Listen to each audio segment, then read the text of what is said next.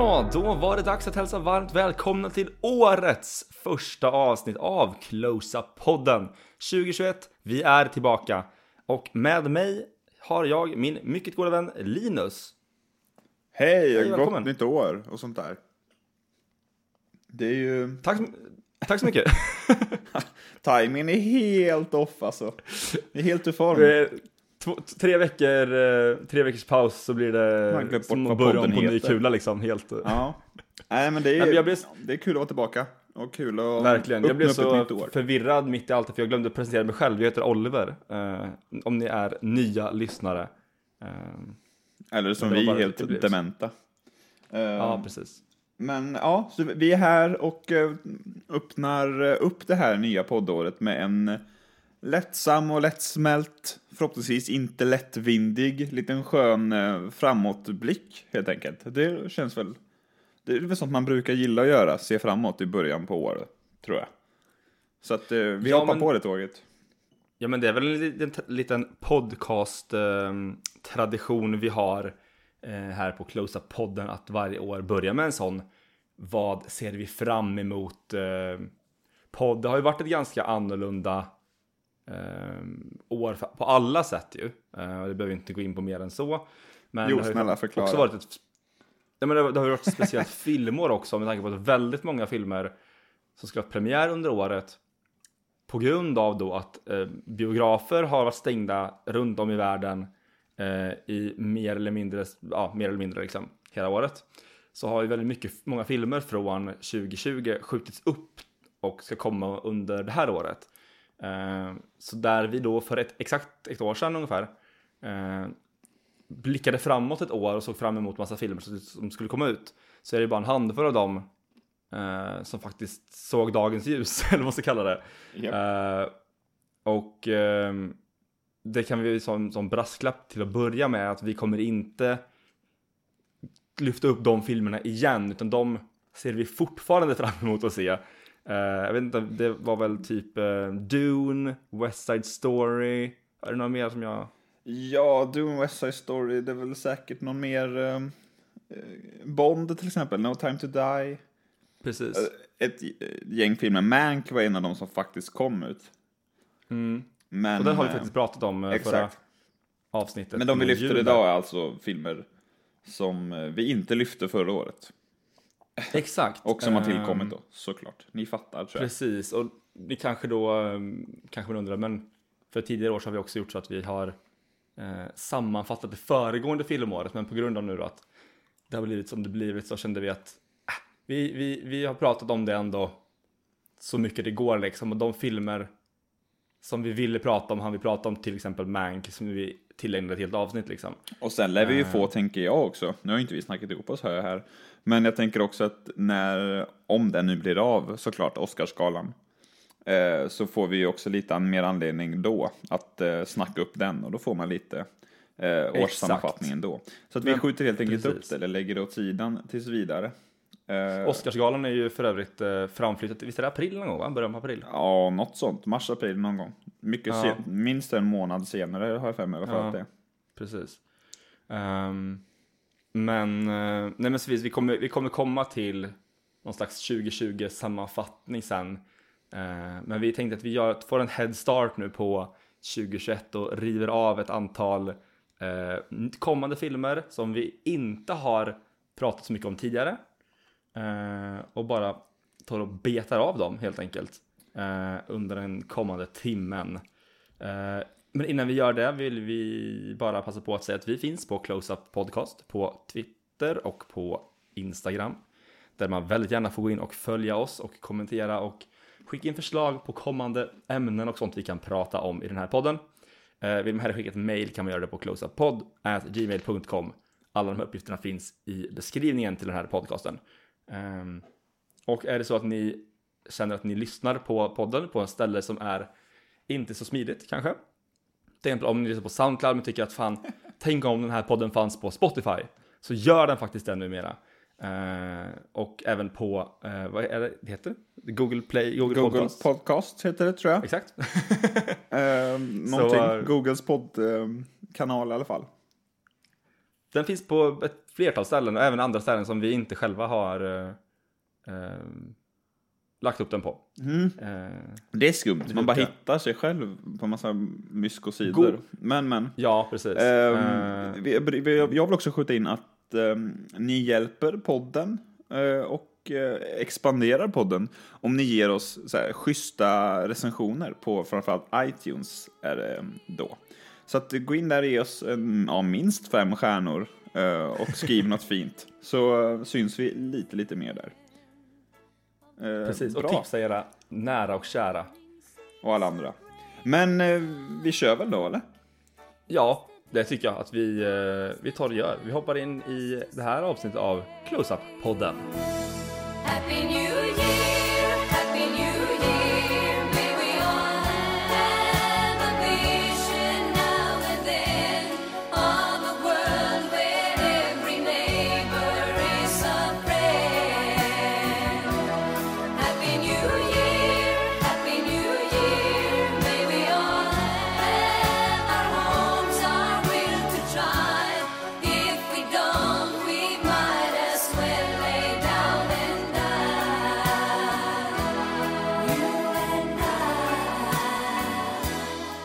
Och som vanligt när vi gör de här avsnitten så kan man väl säga att eh, olika liksom, uppföljare och eh, prequels och eh, universumsfilmer är lite överrepresenterade, möjligen. Även om jag, utan att ha kollat upp någon sorts information om det här, så tror jag att det inte är riktigt samma dominans som det var tidigare år när vi gjort de här poddarna. Eh, Vi har till exempel inte med en enda Star Wars-film, just för att det inte kommer någon. Eh, Men vi har heller inte med en enda Marvel-film. Och det kommer ju typ Nej. tre, fyra stycken. Eh, Eller Och något. vad det beror på kan man ju eh, fundera lite på också. Behöver inte gå in på mer än så. Nej, okej. nu blev jag jättesugen på att gå in på det. Men lyssna på vårt Endgame-avsnitt. Jag tänker att det kom... Okej, kan, kan vi, under, vi kan under våren ha ett avsnitt som heter eh, The Fall of the Marvel Cinematic Universe eller någonting. Det måste vara så här YouTube-titel. Why the MCU sucks. Eller något sånt där. Ja. och så pratar man bara om att det ändå är bra liksom. Men i alla fall. riktig clickbait. Vi har, det är såklart, det är lite olika um, prequels och sånt där ändå. Eh, Det är um, någon adaption, det är någon mästerregissör och sådär. Um, vi tänkte faktiskt börja med en film som ja, på något sätt eh, går in i, ja nej, nu ska jag inte överhypa Adam Wingard som har regisserat, eller håller på att regissera Godzilla vs Kong. Som eh, är tänkt att ha premiär i maj i Sverige. Vi får väl se, som man säger nu för tiden när det gäller det mesta. Ehm, även om Godzilla 2, King of the Monsters, vi sätter den så. Yes. Även om den ja, sög, som vi säger här i Closa-podden, så har ju vi ändå eh, en förkärlek för mm, det här universumets föregångare, alltså 2014s Godzilla och 2017s Kong Skull Island. Så vi ser ändå fram mot Godzilla vs Kong, eller hur?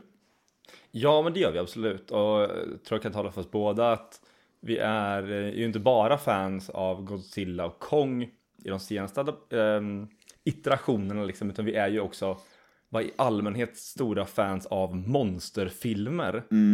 Ehm, och eh, det jag hoppas på med Godzi- ehm, Godzilla vs Kong är väl någon slags eh, att de ska få lite upprättelse från eh, den här senaste filmen liksom och verkligen bli eh, Godzilla, den senaste Godzilla-filmen, eh, uppföljaren liksom, var ju, tycker jag på många sätt, eh, de försökte göra den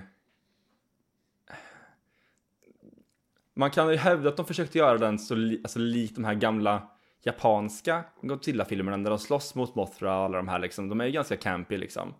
Uh, och att säga, ja visst det är true mot det liksom. Men det funkade ju inte särskilt bra liksom. De led ju av samma problem som typ alla superhjälte-uppföljare.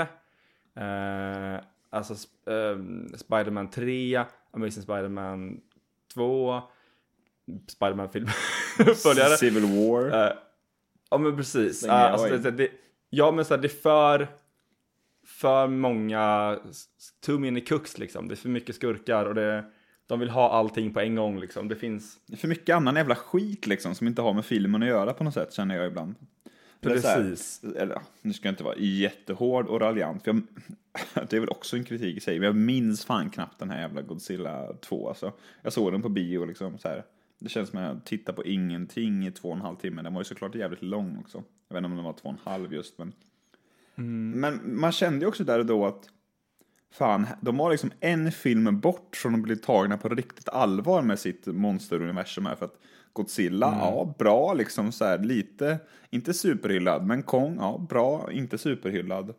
Tänk om de gjort, alltså, hade det kommit en bra film där hade man kanske kunnat eh, bli tagen på lite mer allvar. Men eh, det blir tvärtom istället. Så vi väl, som du säger, vi får hoppas på att Godzilla vs Kong ger eh, universumet, eller filmserien eller vad man ska kalla det, lite upprättelse. Det är en ganska stjärnspäckad film, kan jag väl flika in här innan vi eh, hastar vidare. Millie Bobby Brown och Kyle Chandler är ju med återigen då. Eh, och även Si Chang var väl med senast. Men eh, några andra stora profiler som tillkommer är väl Alexander Skarsgård, Elsa Gonzalez, Jessica Henwick, Demian Bichir, Rebecca Hall, Lance Reddick, eh, Dem, eller nej, nu höll jag på att säga hans namn igen. Julian Dennison, tänkte jag säga. Och Brian Tyree Henry. Och säkert några till. Eh, så att, ja, vi ser väl fram emot en trevlig och eh, underhållande monsterfilm helt enkelt. Och det är klart, det är ju lite attraktivt med de här namnen som Godzilla och Kong ändå är. Ja, men precis. Och det, är väl, det jag hoppas på att se är ju, eh, alltså så gott det går, eh, väl, väl genomtänkta fightscener mellan Godzilla och Kong på ett sätt som också involverar eh, och gör det rimligt för de mänskliga karaktärerna att finnas i filmen. Så att det finns någon slags, för det tyckte jag saknade i den förra filmen, en slags relationen däremellan liksom rent narrativt var så här väldigt konstig. Vilket jag tyckte att de två tidigare filmerna gjorde väldigt bra. Eh, vad hoppas du på? Se, om du får bara säga en grej innan vi går vidare nu då. Nej, men alltså- En sak som du vill se liksom i den här filmen. Jag hoppas på att den är lite mer lättsam än Godzilla 2 var. Och samtidigt som jag säger det så kommer jag också få mig själv att tänka, ja, men första Godzilla var inte alls lättsam, utan den var ju som vi sa, det var ju en katastroffilm på något sätt. Eh, när Kong var mer en, en liksom popcornrulle. Så det är väl det så också. Jag ser väl fram emot att de ska lyckas att masha de här två tonerna lite grann. Eh, och sen rent konkret ser jag väldigt mycket fram emot Junkie XLs musik. Eh, Ah, just det. det är ju svårt att inte göra på något Ja, vis, precis. kan jag tycka. Ehm, så att eh, det är väl det jag ser fram emot helt enkelt. Men ehm, vi har ju många fler filmer att se fram emot. En annan sådan är regisserad av Ridley Scott. Och den heter så mycket som The Last eller The Last Duel. Uh, fan, ska man uttala det The Last eller The Last Duel? Jag kan inte riktigt bestämma mig om jag vill uttala det, Det beror på vilken brittiska sida av inte, Atlanten du vill, Ja, eh, precis. Men jag vet inte vart jag vill höra hemma. Jag, tror jag nöjer mig med The Last Duel faktiskt. Det är baserat på någon, eh, någon bok av en kille som heter Eric Jager. Eh, jag vet ingenting om boken, men den utspelar sig ehm, på eh, vad heter det, i f- fem- 1300-talets eh, Frankrike. Och eh, är någon sorts duellfilm såklart. Den handlar såklart om två vänner som måste duellera efter att eh, någon har anklagat den ene eh, om en, eller för en våldtäkt.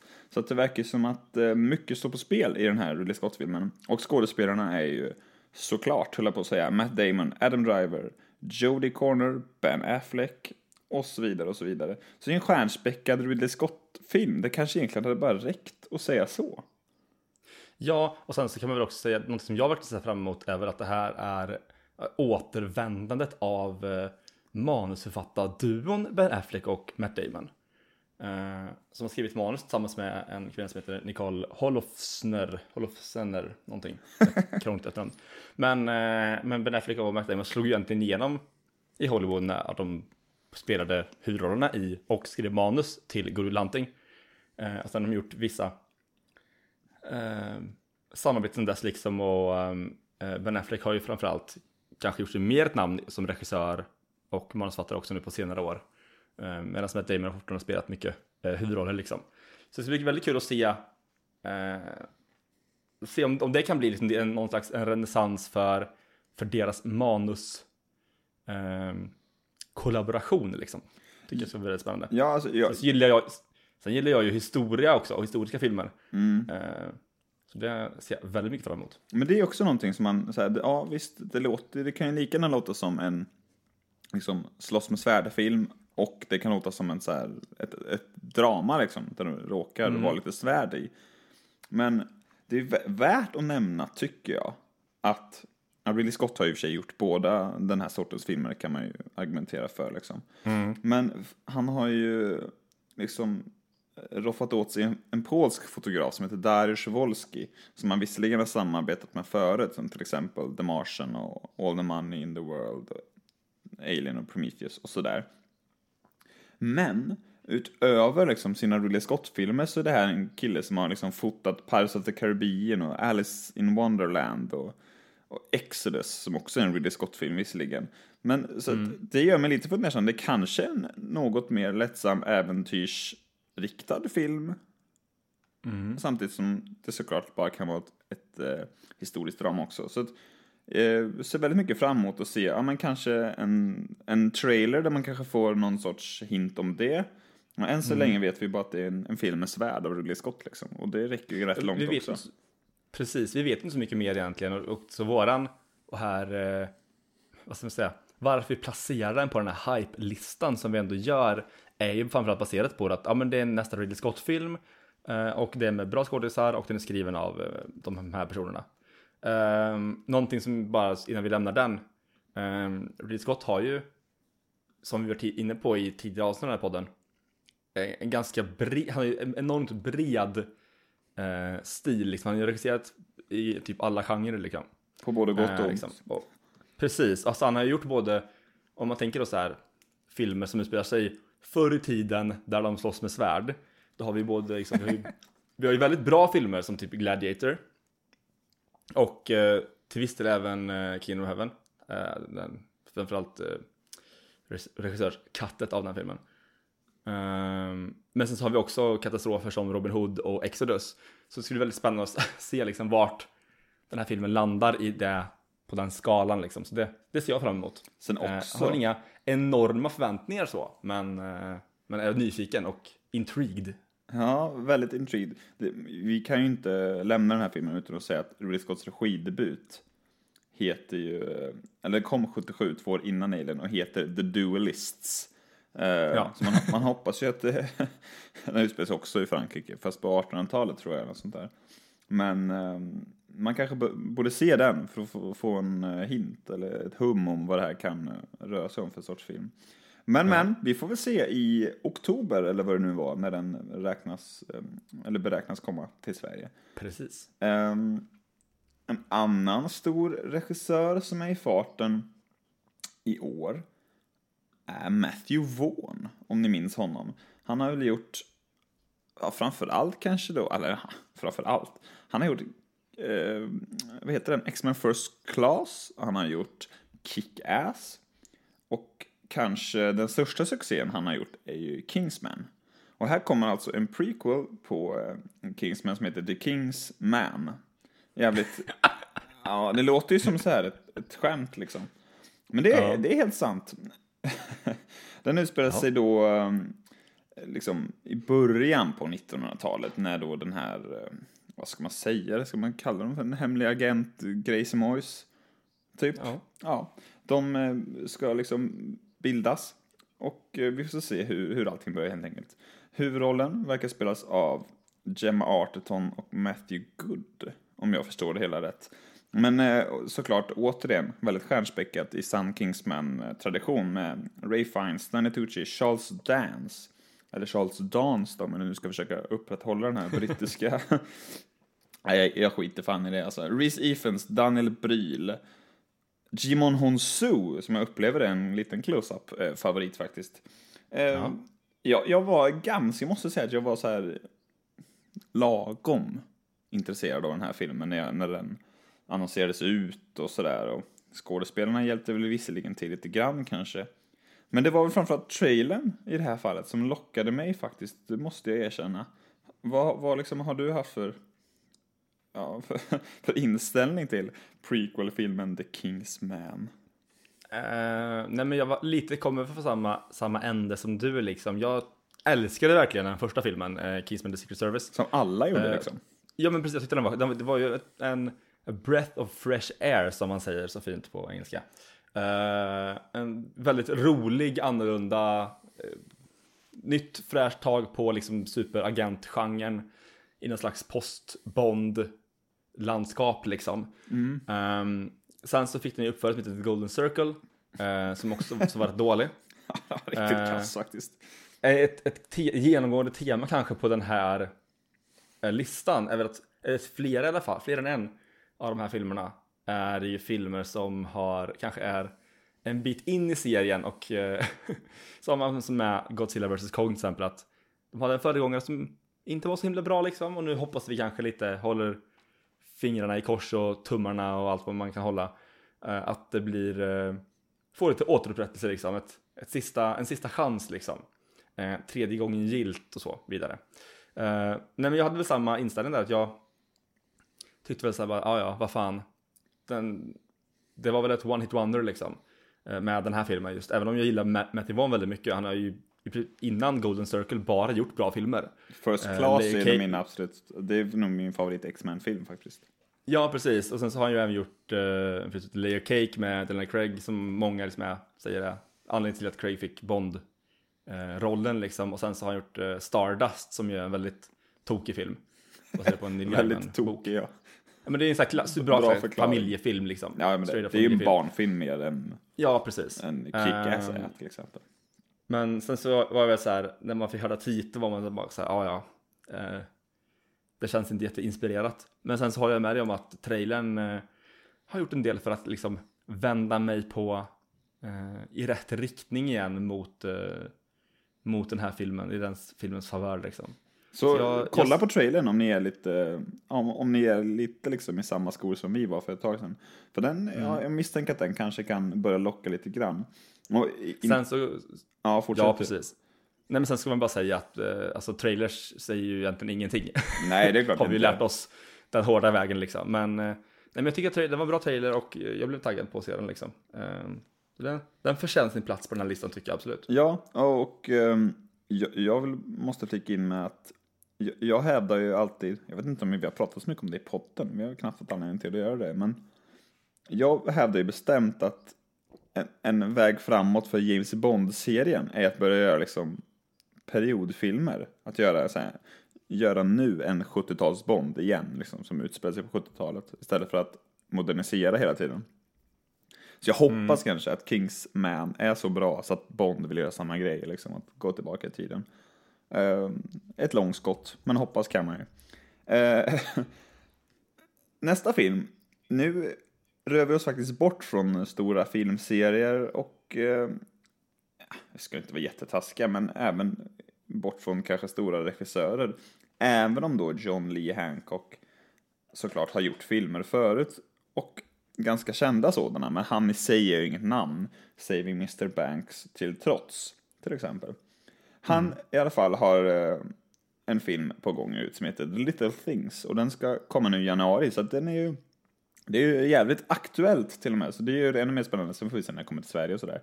Eh, den... Jag kollade på trailern, som man inte ska göra, som vi precis sa. Att det behöver det behöver inte betyda någonting. Men där fick jag en väldigt så här, Seven-känsla. För det enda som står på IMDB om den är two cops track down a serial killer. Och de här pilo eller, piloterna, poliserna spelas av Denzel Washington och Rami Malek.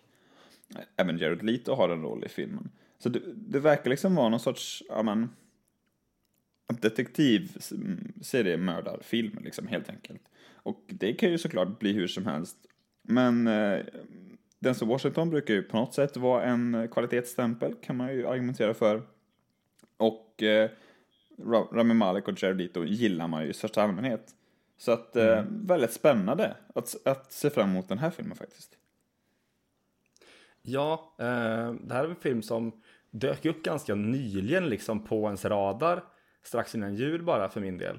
Eh, och en av filmerna som kanske inte riktigt var, många av de filmerna som vi kommer prata om nu eh, är filmer som har skjutits upp till i som skulle kommit förra året, men som skjutits upp. Det här var en av, en av de filmer som skulle kommit i, eh, i år, liksom oavsett. Eh, och har vi, vi har inte vetat så mycket om den förrän bara liksom kanske i oktober, november. Eh, och det som du varit inne på den, vi vet att det är den Washington, Rami Malek och Gerletto i någon slags polis eh, serial killer variant liksom. Eh, och som du var inne på också, man får verkligen den här typen av Seven, Zodiac vibes liksom av det. Och det är ju en filmgenre som jag verkligen gillar det här. Alltså crime. Prisoners-filmerna. Exakt, ja det är, bland, ja, men det är min favorit, bland Ja. mina favoritgenrer liksom. Ehm, så jag har väl höga förväntningar där och sen så är det ju också ehm, Jag tycker ju, jag gillar Denzel Washington väldigt mycket. Uh, samtidigt som det var ganska länge sedan jag såg en film med honom där han verkligen liksom är eh, Han har gjort lite, liksom, lite actionfilmer lite som en, och väldigt seriösa dramer liksom. Så jag skulle vilja se honom liksom i något mer ja men eh, få, få sig ett riktigt uppsving liksom när det kommer till eh, alltså populära filmer igen liksom som inte är The Equalizer. Och samtidigt tycker jag att det, och sen, nej, men sen tycker jag också att eh, alltså Jared Leto är en så himla fascinerande skådespelare. Eh, och finns ju hur mycket som helst att läsa om honom på internet liksom och vad han håller på med. Uh, men alltså, jag tycker att han är, han är, i många filmer så är han väldigt, väldigt bra. Uh, och det, det man kan läsa om är att han verkar ju spela någon slags, uh, det som är liksom huvudmisstänkt i det här fallet liksom. Eh, vet vi redan från början. Och jag tror att det är en roll som kan passa honom ganska bra liksom. Han, Eh, han har spelat, eh, han spelar väldigt bra liksom i eh, Blade Runner 2049 eh, till exempel.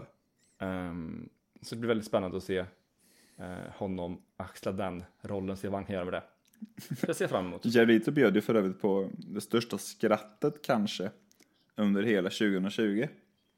När han, eh, nu kommer jag inte ihåg om det var, om det var pandemin eller Black Lives Matter-protesterna. Men han hade ju liksom varit off the grid typ så här skitlänge, för han hade varit iväg på någon så här meditationsresa eller någonting, så här skjutjärn lite och grej att göra. Och liksom, jag tror att det hand- handlade om covid-19 pandemin. Och så kom han tillbaka liksom och bara så här, vad fan har hänt liksom? Jag var borta liksom några veckor och vad fan har hänt? Eh, Googla på det, det är jävligt roligt.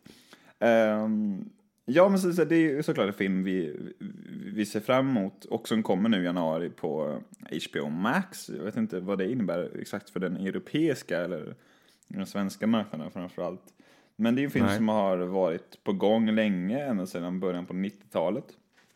Eh, Steven Spielberg var där och tafsade lite, Clint Eastwood likaså. Men eh, sen beslutade han sig till för att han ville minsann göra, eh, regissera sin eget, sitt eget manus.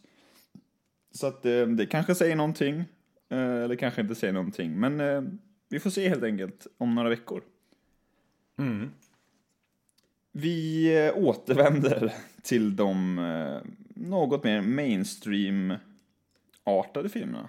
Och en film som jag tror spelas in just nu och som har haft lite svårt med ja, olika eh, pandemirelaterade problem. Mission Impossible 7. Som ju än så länge bara heter så. Den lär väl säkert få någon sorts undertitel. Rogue Nation of the World Fallout eller någonting. Jag vet inte. Något Eh. flashigt och mystiskt, ja, actionfyllt. antagligen. Ehm, I alla fall, Tom Cruise är ju såklart med och spelar Ethan Hunt. Och han producerar. Och Christopher McQuarrie gör väl, det är hans tredje nu på rad. eh, Mission Impossible-film. Och det kommer väl även ytterligare en 2022. De spelas väl, tror jag, in i ett svep också. Eh, men eh, andra som återvänder det är såklart Ving Rhames och Simon Pegg och Rebecca Ferguson. Och sen Angela Bassett har varit med i tidigare Mission Impossible också va? Jag tror det. Jag skulle ha kollat upp. Vanessa Kirby har varit i alla fall. Men några nya är ju Hailey Atwell och Pom Clementif. Eller hur man uttalar hennes namn. Det är hon som spelar Mantis, eller vad heter hon, från Guardians of the Galaxy. Mm. Ehm, så såklart, alltid stjärnspäckat liksom, som det alltid är när det rör sig om Mission Impossible. Och det är liksom så här, jag har ingen aning om vad filmen handlar om så här. Åh, vad är det för någon McGuffin de ska jaga efter nu? Så här, fan vet jag. Vem bryr sig? Det är liksom Mission Impossible med, med Tom Cruise. Och eh, så är det med det. Eller vad säger du? Nej, men jag kan bara hålla med. Alltså på något sätt. ehm, de tre första filmerna egentligen, eller ja, fyra, tre, för, tre eller fyra första eh, Mission Impossible-filmerna. Um, hade ju liksom, de hade olika regissörer och de hade lite olika ton och stil. Lite upp De fyra och ner, första. Liksom, i, vad sa du? De fyra första är det då. För Brad Ja, Bird precis. gjorde ju den fjärde och sen så Ja exakt, men jag, jag tänker att jag räknar, den också den, jag räknar också lite eh, fyran till de här senare halvan liksom. Eh, för jag tycker ändå att de har lite De har hittat sin stil och de har hittat sin cast. Ehm, och för de, i de första filmerna så är det liksom, det är Tom Cruise och så är det liksom Ja, det- och Ving Rhames då. Eh, men sen lite nya karaktärer liksom. Men jag gillar verkligen att det har blivit det här core-teamet av med, med Simon Pegg. Och eh, jag gillar att uh, Rebecca Ferguson är tillbaka nu igen. Um, och um,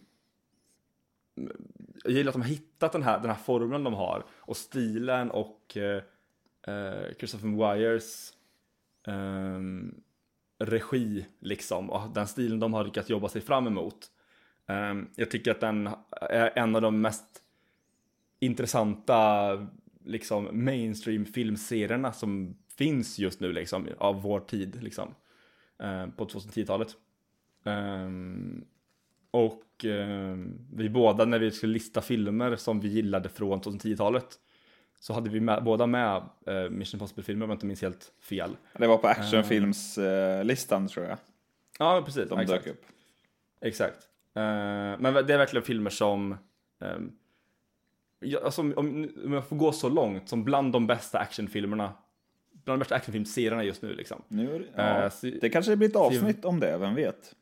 Inte omöjligt. Nej, Men, nej. nej, men Mission Impossible uh, 7 ser man verkligen fram emot. Um, bara se, se mer av... Mer vad, godis eh, liksom. Alltså, mer godis, det blir verkligen, så det är bara, det är ögongodis liksom. Ja, ehm, jag håller med dig där i den här, man kan dela in det liksom i två, ja, halvor är det ju i nuläget liksom. Mm. Jag ska inte kalla de första tre originaltrilogin, men jag gör det ändå för att det är roligt. Nej men de, de tre, jag, nu när man liksom ser det, vi, vi som liksom missade Mission Impossible-svängen, de, den första filmen kom ju när vi föddes, alltså det året vi föddes. Så vi har ju inte vuxit upp med det på, på liksom, vi är lite, lite för unga för att liksom ha med Mission Impossible hela livet. Men nu när man kan se tillbaka på det och liksom lite utifrån se på det så tycker jag att Mission Impossible 1, 2 och 3 kanske lite undantaget ettan, jag vet inte, men jag räknar in den ändå. Så känns det som att de försökte, det försökte liksom vara någon sorts amerikansk motsvarighet till Bond. Liksom. Mm. Eh, Verkligen. Men från 4, 5 och 6 så det, tycker jag att man lite har lämnat den där grejen och hittat sin egen stil liksom. Man har sett sin egen grej. Det är lite mer, det finns ändå någon sorts röd tråd, framförallt då från femman och framåt. Och åttan som följer på sjuan är, ska tydligen vara en, en direkt uppföljare. Eh, Så jag, det, det, det ska bli väldigt spännande att se vad som händer och man kanske kommer fram till någonting någon gång i en Mission Impossible-film. Det hade ju varit intressant faktiskt. Och det menar jag med, med kärlek. liksom. Verkligen. Så att, nej men, så här, det var det liksom. Mer Mission Impossible och det ska bli väldigt kul. Och vad fan ska Tom hitta på den här gången liksom? Eh, det är väl lite det man går in med. Eh, faktiskt. Verkligen. Eh, en annan uppföljare som är lite liksom, jag vet inte om den är mer efterlängtad egentligen. För att de tidigare filmerna har varit ja, lite liksom polariserande kanske. Eh, men Matrix 4 är ju faktiskt på gång. Och tyvärr heter den bara Matrix 4 än så länge. Den kommer till julen. Och den här gången är det faktiskt inte Wachowski-bröderna och det är inte Wachowski-systrarna heller, utan det är bara Lana Wachowski. Och det kanske är gott nog också. Och jag tror väl att det är hennes första film på egen hand, är det inte så? Det stämmer. Ehm, så att det är ju, bara det är ju liksom häftigt på något sätt. Lana Wachowskis regidebut eh, själv liksom. Men jag tror Ja, väl att eh, systern, vad heter hon nu då? Är det Laura? Lily. Lily är väl med i någon sorts producentroll, har jag för mig. Eh, det kanske inte Nej. stämmer, är inte det? Kanske inte med alls. Ja, ja, skitsamma. Det är Lana Wachowski i alla fall som, eh, som både skriver ihop med två andra och regisserar, så man får säga att det är hennes film i alla fall. Keanu Reeves återvänder ju såklart, det gör även Carrie Ann Moss. Eh, men helt nya är ju, jag kan verkligen inte sluta le åt att Neil Patrick Harris ska vara med i eh, Matrix. Hur roligt kan inte det bli? Jag får någon så här, när jag liksom hör Neil Patrick Harris i Matrix så tänker jag Jared Leto i Blade Runner. Jag vet inte varför. Det känns lite som samma sorts casting på något sätt. Ja. Eh, väldigt konstigt. Jessica Henwick igen. Vi lär få se mycket av henne i år. Eh, och eh, några till. Jada Pinkett Smith till exempel. Vilket ju är Jonathan kul Groff för att får hennes... inte- Jonathan får Groff inte glömma också. heller. Är Eh, han som känd? Ju för, för er som eh, är, eh, har- Disney Plus eh, så är väl han kanske framför allt känd som, eh, han är ju King George i Hamilton-musikalen, alltså den faktiska musikalen. Sådär. Eh, och sen så gör han ju också rösten till Kristoff i Frozen-filmerna. Eh, och jag kanske känner honom mer som huvudrollen i eh, David Fincher tv-serien Mindhunter på Netflix som ju är en otroligt bra kriminalserie. Nya... Så han ser fram emot att få se mer av i den här typen av roller. Den nya huvudkaraktären, eh, om jag har förstått det hela rätt, ska spelas av Priyanka Chopra. Eller något. Eh, hon verkar vara från Indien. Och jag känner igen henne lite grann, men har svårt att placera henne faktiskt. Hon har en rad, eh, eller ytterligare någon eh, stor film på väg faktiskt. Eh, annars verkar hon ha jobbat mycket i just Indien. Men eh, jag är en av de där som inte har sett Matrix 2 och 3. Egentligen inte för att jag har liksom blivit avskräckt av deras, ja man får väl ändå säga, deras lite sämre rykte. Men det har bara inte blivit av. Men jag gillar den första liksom, sådär. Skulle behöva se den igen känner jag. Och det, jag, det är också det som är så fint med att Matrix 4 kommer ut. Jag får ju en superbra anledning att liksom riva av Matrix 1, 2, 3 någon gång i december liksom. Eh, för att hypa upp mig själv. Men eh, vad, vad har du för relation till Matrix? Det är ju, förutom liksom polismördarfilmer, eh, polis och mordfilmer, så är väl typ den typen av sci-fi-film också din kopp te, eller? Verkligen. Eh, jag, men jag, tyvärr då så måste jag sälla mig till ditt sällskap och säga att jag har ju verkligen sett eh, eh, tvåan eller trean, vilket ju kanske är eh, någon slags eh, kriminell handling i filmnördvärlden liksom. Men, eh, nej, men jag har sett första filmen och tycker att den är eh, helt eh, otrolig liksom. Eh, jag tror att den var, den var också enormt nyskapande när den kom. Men jag kan fortfarande nu liksom uppskatta den, den är ju he- helt otroligt liksom. Men sen jag har blivit lite avskräckt liksom och bara inte kommit till skott med de andra två. Så precis som du så får jag ju en, en anledning att kika på dem nu när det kommer faktiskt en fjärde film här och Eh, man får en ordentlig anledning att se allihopa igen. Eh, jag är framförallt kanske taggad på den här filmen för att jag verkligen gillar eh, Vashovskij-systrarna. och är väldigt taggad på vad, vad du nu då, Lana, ska göra. Även om vi bara är, har blivit en syster kort liksom. Men för jag gillar ju, både du och jag är stora fan, du kanske ännu mer än vad jag är, fans av Cloud Atlas.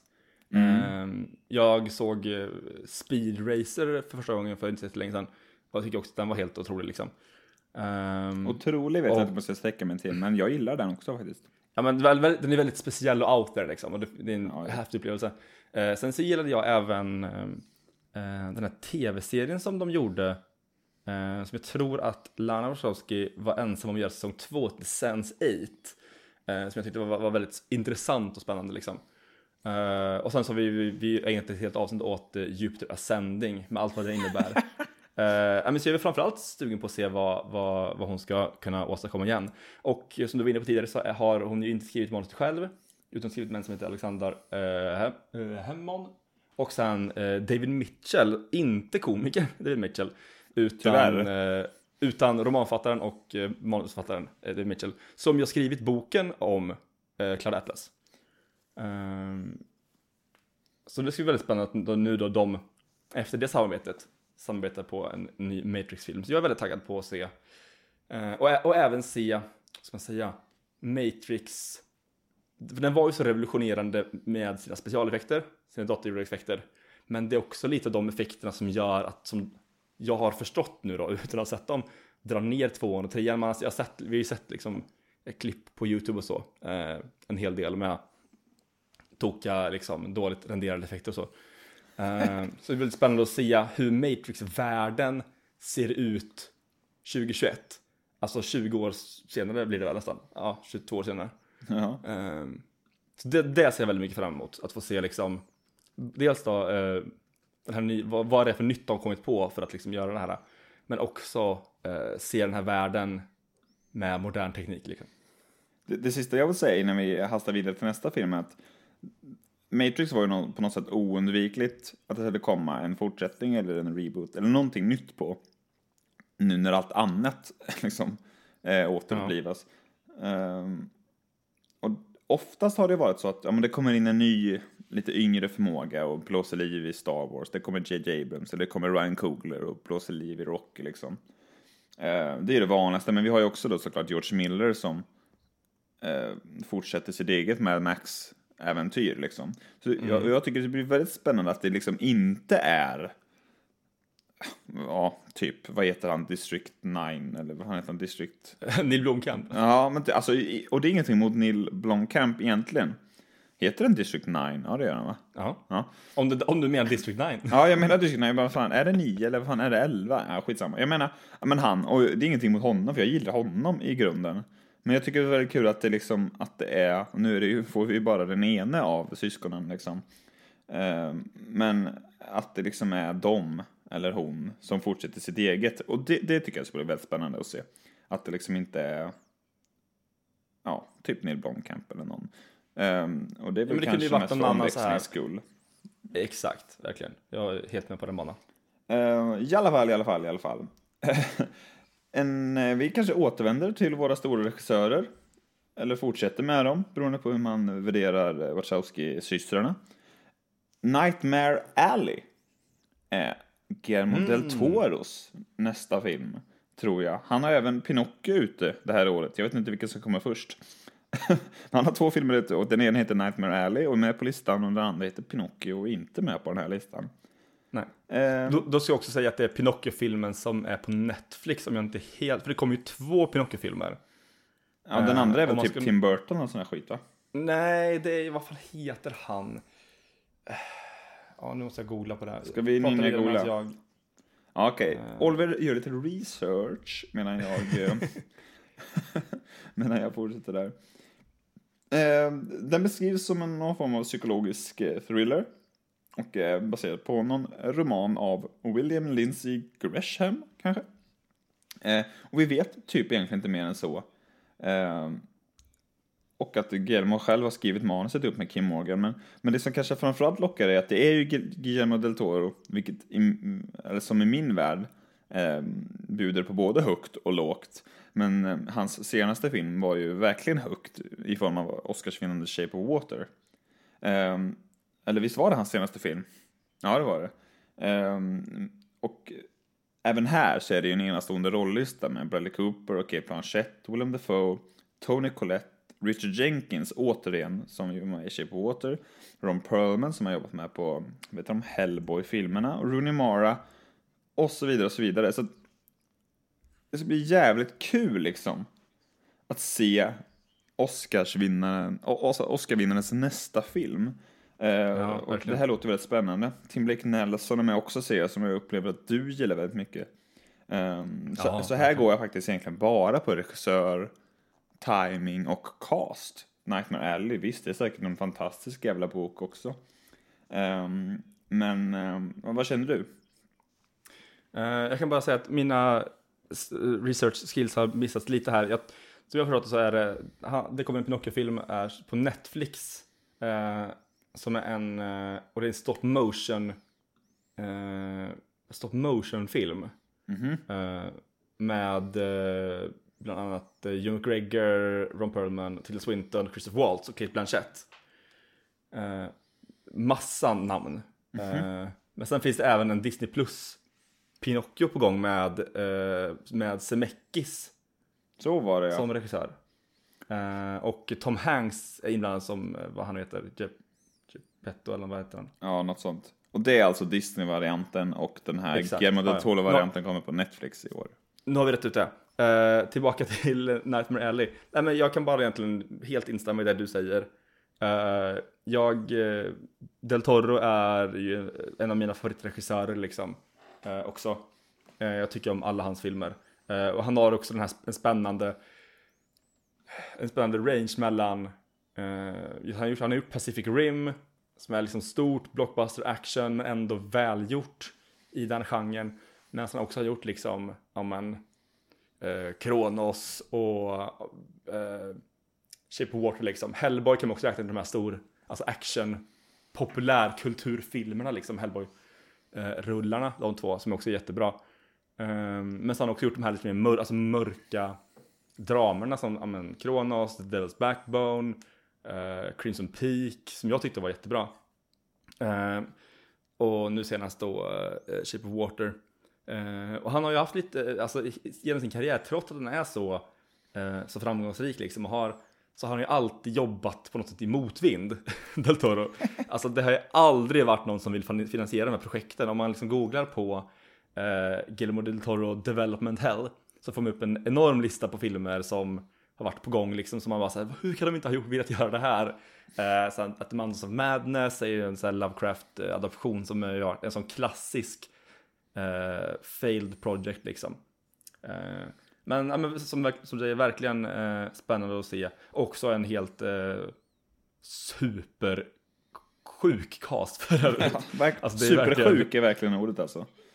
Ja men det är helt, och sen så jag, jag, jag vill se, jag, jag gillar verkligen, man, vill, man, man älskar ju, nu tappar jag bort mig i orden här, av exaltering. Men jag tycker att, eh, ja men den här stil, hans stil, det här med det övernaturliga, eh, och det så här psykologiska och det mörka, och jag vet inte, den här filmen kommer vara så mycket, så mycket övernaturligt kanske egentligen, men, eh, men man gillar det här, liksom, det, det, det, är en, det är en unik nyans av Hollywood som bara ett fåtal regissörer sysslar med.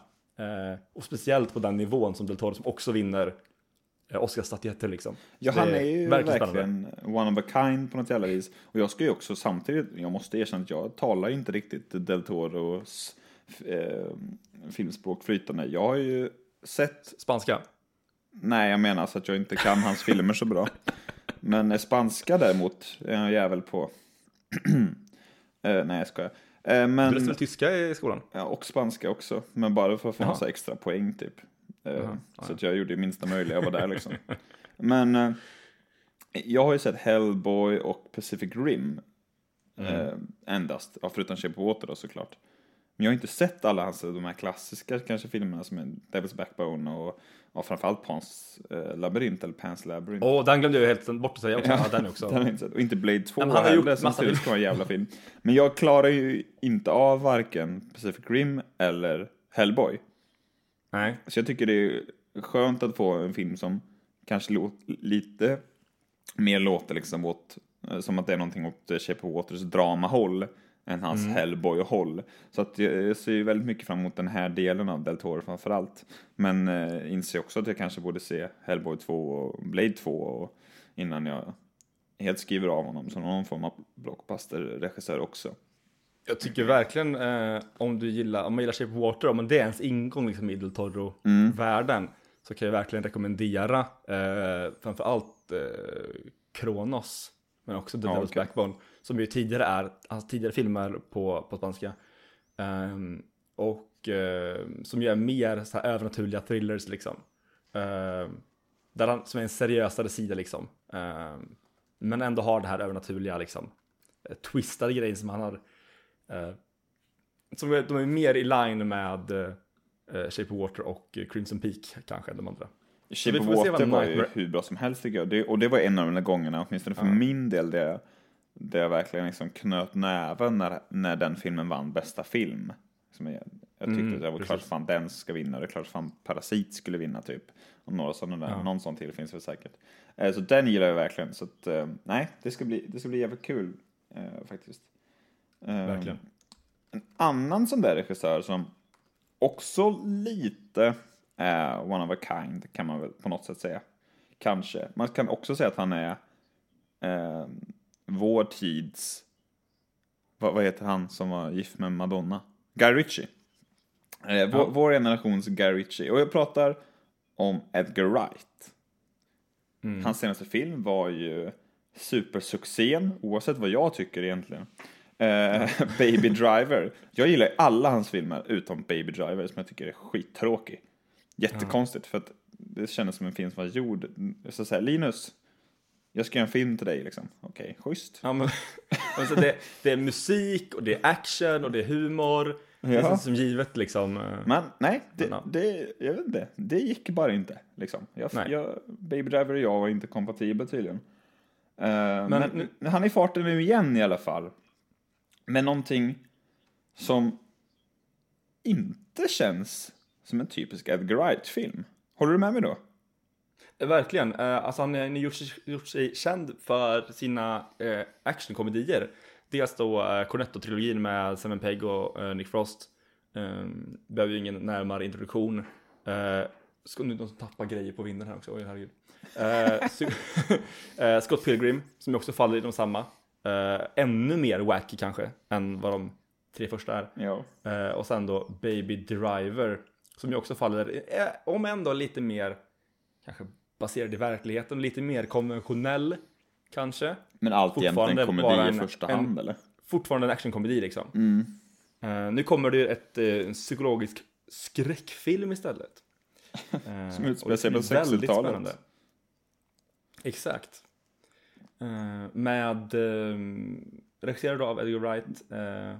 Med en av mina absoluta favoriter och, om jag inte helt cyklar, eh, AP, eh, den här stora tidningen i USA. Eh, eh, Entertainer of the Year, Anya Taylor-Joy. Eh, en av mina absoluta favorit skådespelerskor eh, senaste åren. Om ni undrar vem det är så är det hon som är med i alla filmer, liksom.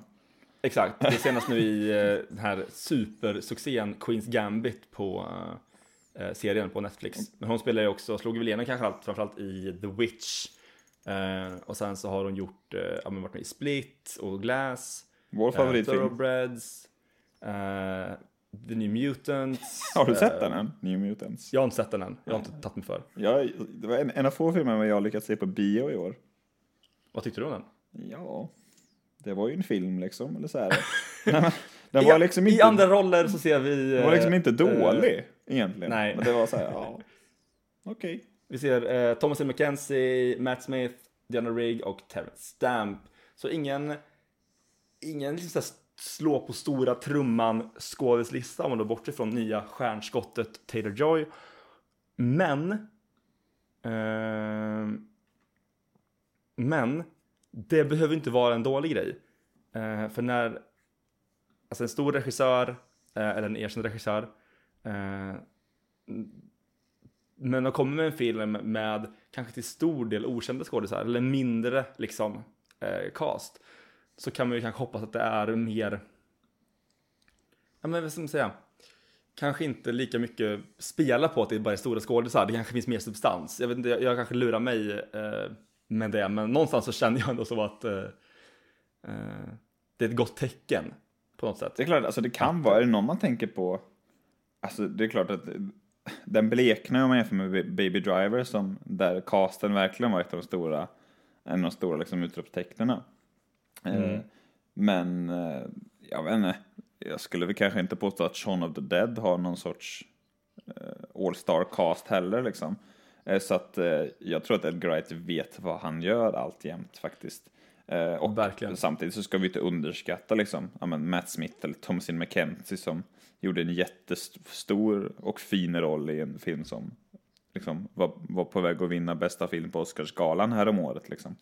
Ehm, så att, och Terrence Stamp är ju någon form av legend. Inte bara för att han är med i Star Wars Men eh, jag måste också säga att det lite oroar mig att du misslyckas att nämna James och Oliver Phelps. Som alltså För- då spelar tvillingarna George och Fred, eller vad de heter, i Harry Potter. Ja, ja. De är ju med här också. Den ene spelar Det- Cloakroom Attendant. Och den andra står inte vad den spelar, men jag utgår från att han också spelar Cloakroom Attendant. Jag blev så här helt blank, jag var kopplad till namnet, var så här, vänta, va? Okej, ja, ja, absolut. Eh, så de också, Eh. bara det är ju kul på något jävla vis. Ja. Nej men, nej, men precis, alltså, det man ser fram emot här, jag tror jag kan tala för oss båda, är väl dels att det är en ny film för Edgar Wright och för dig kanske då, kanske lite upprättelse om i och med att du inte gillade Baby Driver så mycket. Mm. Eh, men jag kan också se det, jag kan hålla med om vissa grejer att uh, Baby Driver var ju verkligen ett steg upp från eh, Edgar Wrights tidigare filmer som ändå varit, om inte då till på ytan, men alltså under, de är, de är ju småskaliga på ett annat sätt, låg budget, mindre liksom produktioner. Medan Baby Drive var den, den första som storfilmen på något sätt ändå. Um, och det här känns som en lite mer, jag hoppas kanske på en lite mer ja, men nedtonad, eh, nedtonad film liksom. Och det är en annan genre och eh, jag har ändå, ja, men man har ändå följt Edgar Wright nu ett par år liksom. Och jag har, man har läst mycket intervjuer eh, med honom, eller jag har gjort det i alla fall. Eh, och han är ju verkligen en film nörd liksom. Eh, så det skulle vara väldigt kul, han, men samtidigt har han gjort mestadels komedier, liksom jobbat i actionkomedi-genren. Så det ska bli spännande att se liksom honom i en annan genre. Eh, för han har bevisat att han kan komedi, han kan ha gjort, han har infört mycket nya tekniker liksom och, eller spännande perspektiv i den genren. Framförallt med Corretto-trilogin. Så det är väldigt spännande om han har samma approach i filmskapandet på den här filmen. Så jag är mycket, jag ser mycket fram emot den här filmen liksom av vad ska man säga, utomstående skäl liksom. Och kanske inte för att jag så här tycker att det verkar vara en helt fantastisk story liksom. Att det är det jag måste, åh vad spännande, det här vill jag se. Eh, Den här storyn liksom. Utan jag är mer taggad på att se kanske filmskapandet och liksom det är jag taggad på att se vad han kan tillföra till den här genren liksom. Det är väl det jag ser fram emot mest. Vad säger du om det? Nej, alltså, jag håller med dig. Det känns som ytterligare en sida av Edgar Wright liksom, som fortfarande är en ganska ung regissör, så han ska väl fortsätta liksom och, och vika ut sig i 40 år till liksom. Ja, ja, men så att det, det är kul att se honom liksom bygga sin filmografi på det här viset. Och sen, eh, så liksom, så sign me up till Edgar Wright, även om jag inte gillar Baby Driver. Och sen så 60-talets London är ju en spännande setting också. Det är inte... Det hände väl mycket i 60-talets London inbillar jag mig med all musik och all kultur där. Eh, Och den kretsar även kring någon sorts eh, eh, sångerska. Eh, som inte spelas av Anna Taylor-Joy om jag uppfattar det hela rätt.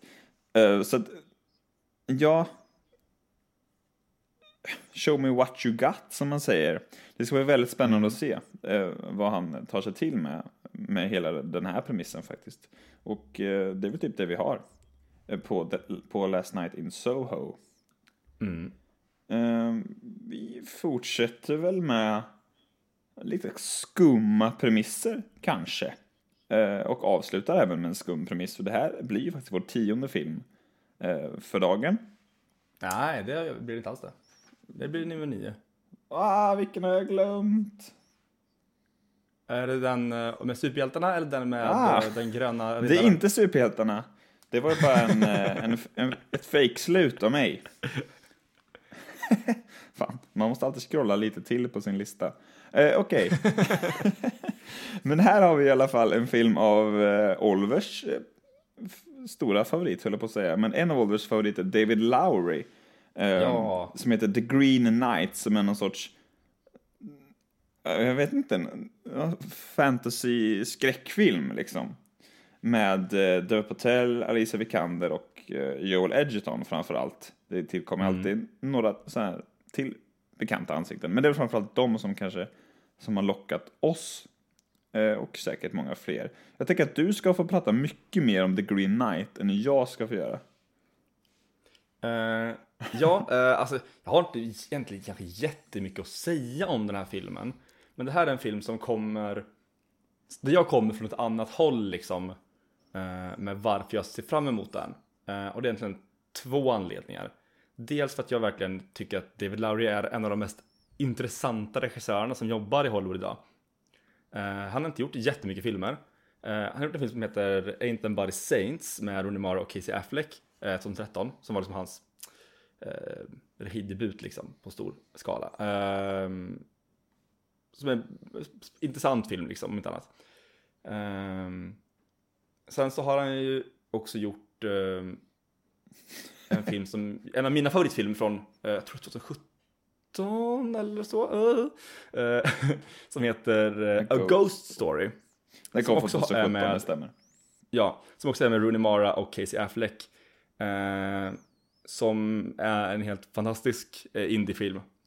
Med när Casey Affleck spelar en man som går bort och hemsöker sitt eh, hem och sin hustru. Eh, iklädd ett stort eh, så här spöklakan liksom. Ett, eh, det är väldigt, väldigt det, det, på ytan ser det så här, vad är det här för någonting? Och så är det en väldigt, den är väldigt så filosofisk eh, eh, film liksom om eh, nästan lite i samma anda som om ni har sett eh, The Fountain. Ah, jag har inte sett den än. Är den bra, The Fountain? Eller? Ja, den, ja verkligen. Det alltså, handlar mycket om det här, men så här, alltså väldigt filosofisk och eh, mer någonting annat liksom. Så den har gjort. Sen har han också regisserat eh, med bravur tycker jag. Eh, för Disney Pete's Dragon. Stor jävla bravur alltså. Men Verkligen. Det, är så jävla roligt för att David Lowry blir ett jävligt bra åskådliggörande av din och min filmsmak. Jag bara såhär, David Lowry, intressant ung regissör, han har gjort Pete's Dragon. Nu ska vi se vad han gör med The Green Knight, för jag har inte sett någon av hans andra filmer. Nej. Och du kommer från det an, alltså helt andra änden av spektrat liksom. Eh, men ser ändå fram emot The Green Knight. Och det här verkar ju vara någon sorts liksom, grej han ska fortsätta med. För hans nästa film som kommer 2022 är ju Peter Pan and Wendy liksom. Exakt. Så, han verkar ha, han verkar, verkar ha lyckats med det här att få ett, alltså, vara en enormt duktig regissör. Vara, och vara en regissör som både kan jobba för, men för Disney och göra det de vill och liksom åstadkomma bra grejer med Peter Dragon och förhoppningsvis då med eh, nya Peter Pan-filmen. Men också kan i, göra, få sin egen vision och berätta de berättelser som han vill berätta i till exempel då eh, A Ghost Story. Och en, hans senaste film är eh, The Old Man and the Gun som ju var eh, Robert Redfords sista film. just Nej, eller det. näst sista eller vad det fan det blir. Han har pensionerat sig ja. Precis. Och den är också jättebra liksom. Ehm, och så här, helt andra, alltså alla hans filmer är helt olika, de är på så olika delar av, av spektrat liksom. Så det, det, det är nästan omöjligt att se att det är samma person som har regisserat det. Eh, och det gör mig bara superfascinerad av honom. Sen så är det här, det här är också en film som eh, släpps av eh, A24, pr- produktionsbolaget eller så. Eh, vilket också är, har blivit någon slags, för mig i alla fall, kvalitetsstämpel. Ehm, och sen så, som, förutom de skådespelare som du nämnde, så är även eh, Sean Harris och eh, Barry Keegan med, som jag också tycker är Yes. på mina Också, favoriter, också liksom. två sådana där sp- skådespelare, lite som jag var inne på att namnen kanske inte säger jättemycket, men när de väl dyker upp så känner man igen dem. Eh, Mm. Även om Barry Keegan är ung såklart och säkert kommer göra sig ett namn. Men, Precis. nej men David Lowry som du säger, intressant regissör, intressant mustasch. Eh, det ska bli jävligt kul. Alltså ni måste kolla David Lowrys mustasch, det är det sjukaste jag sett. Eh, och The Green Knight är en film, om vi ska runda av den här diskussionen, som lite svår att sätta fingret på, alltså så här på förhand, eller det är svårt att beskriva den. Men kan eh, verkligen rekommendera att ni slänger ett snabbt öga på den här teaser-trailern som kom. Eh, för att få Mm, oss, om ni, absolut. om ni är lite så här, ja jag vet inte om det här låter så jävla kul. Men eh, jag tycker att trailern ger en ganska, eller, det vet vi inte, men det känns som att eh, den presenterar liksom tonen och stilen på filmen eh, ganska bra. Eh, så att det kan jag rekommendera om eh, vårt samhälle inte gjorde det för er så att säga. Men då ska vi gå till den sista filmen. Eh, som Yes. planerat såklart. Eh, och det här är väl också en en eh, regissör som har gjort, eh, gjort sig stort namn, men inte liksom med så mycket olika sorters filmer kanske som David Lowry, men utan att göra det han även ska göra med den här filmen. Och den här filmen heter The Suicide Squad.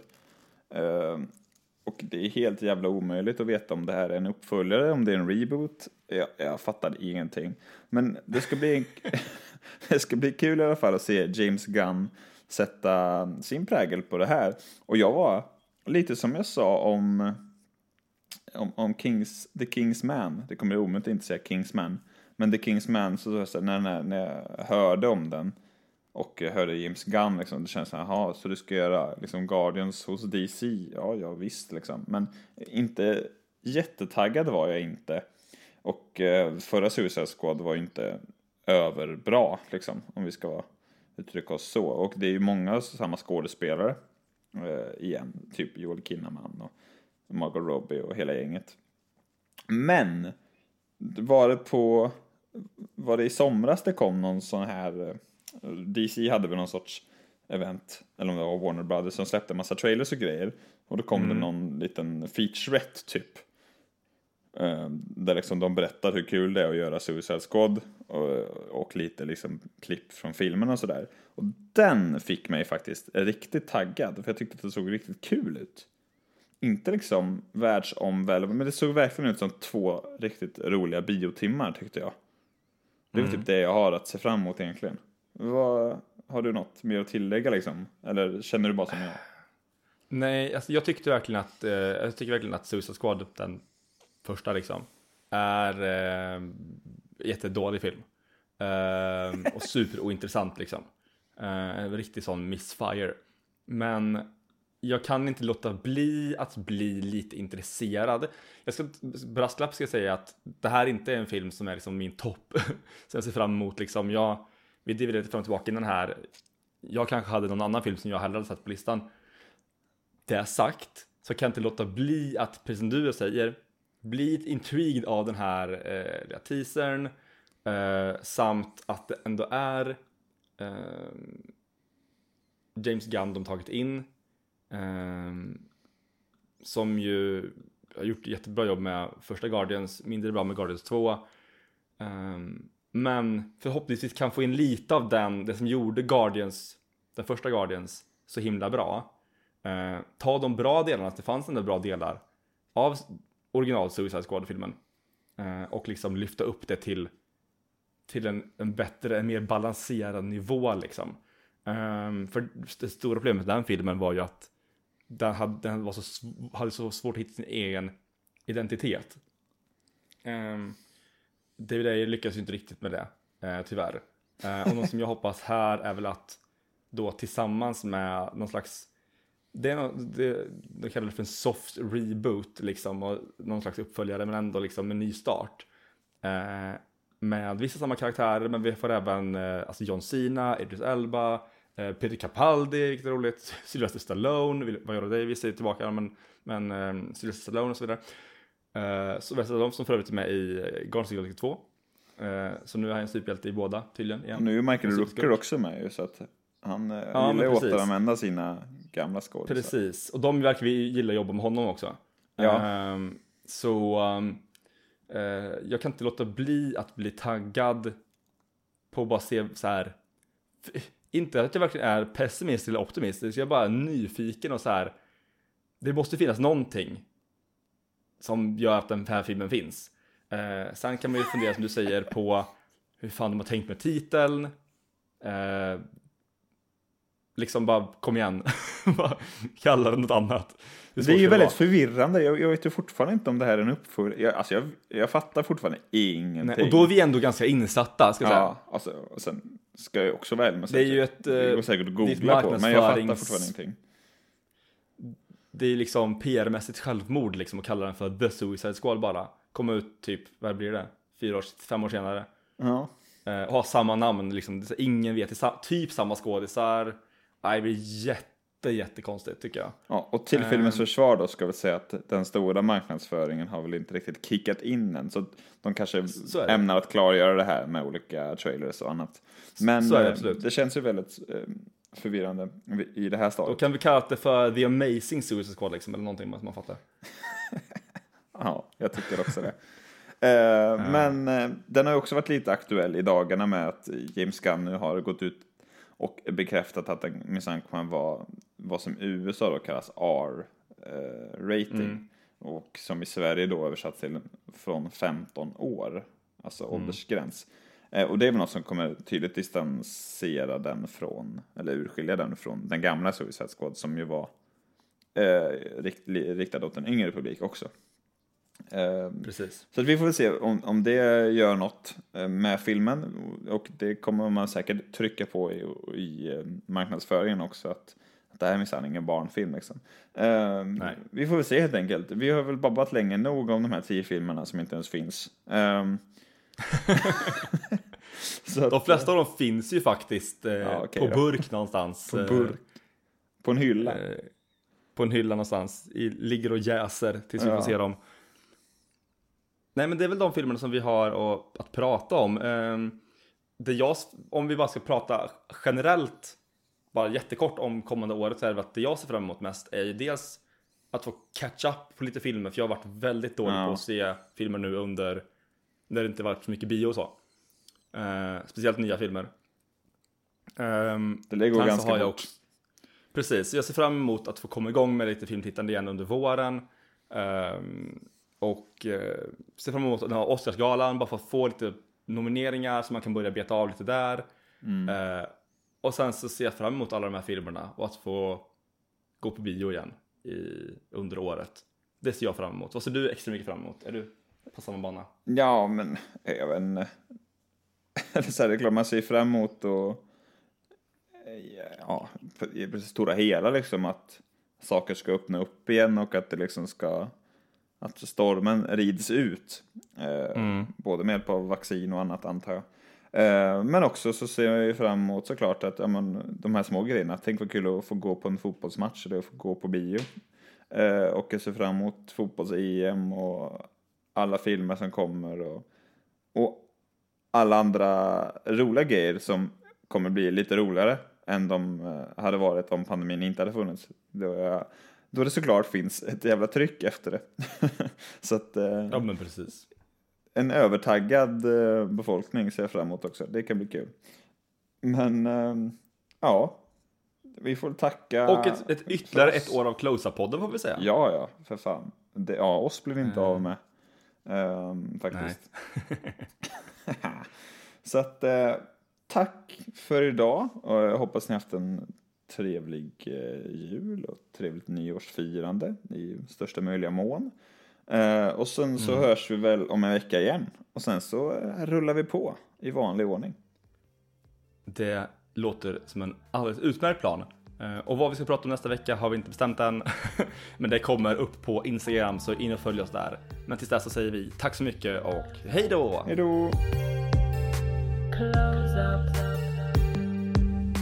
Close up. Close up. Close up.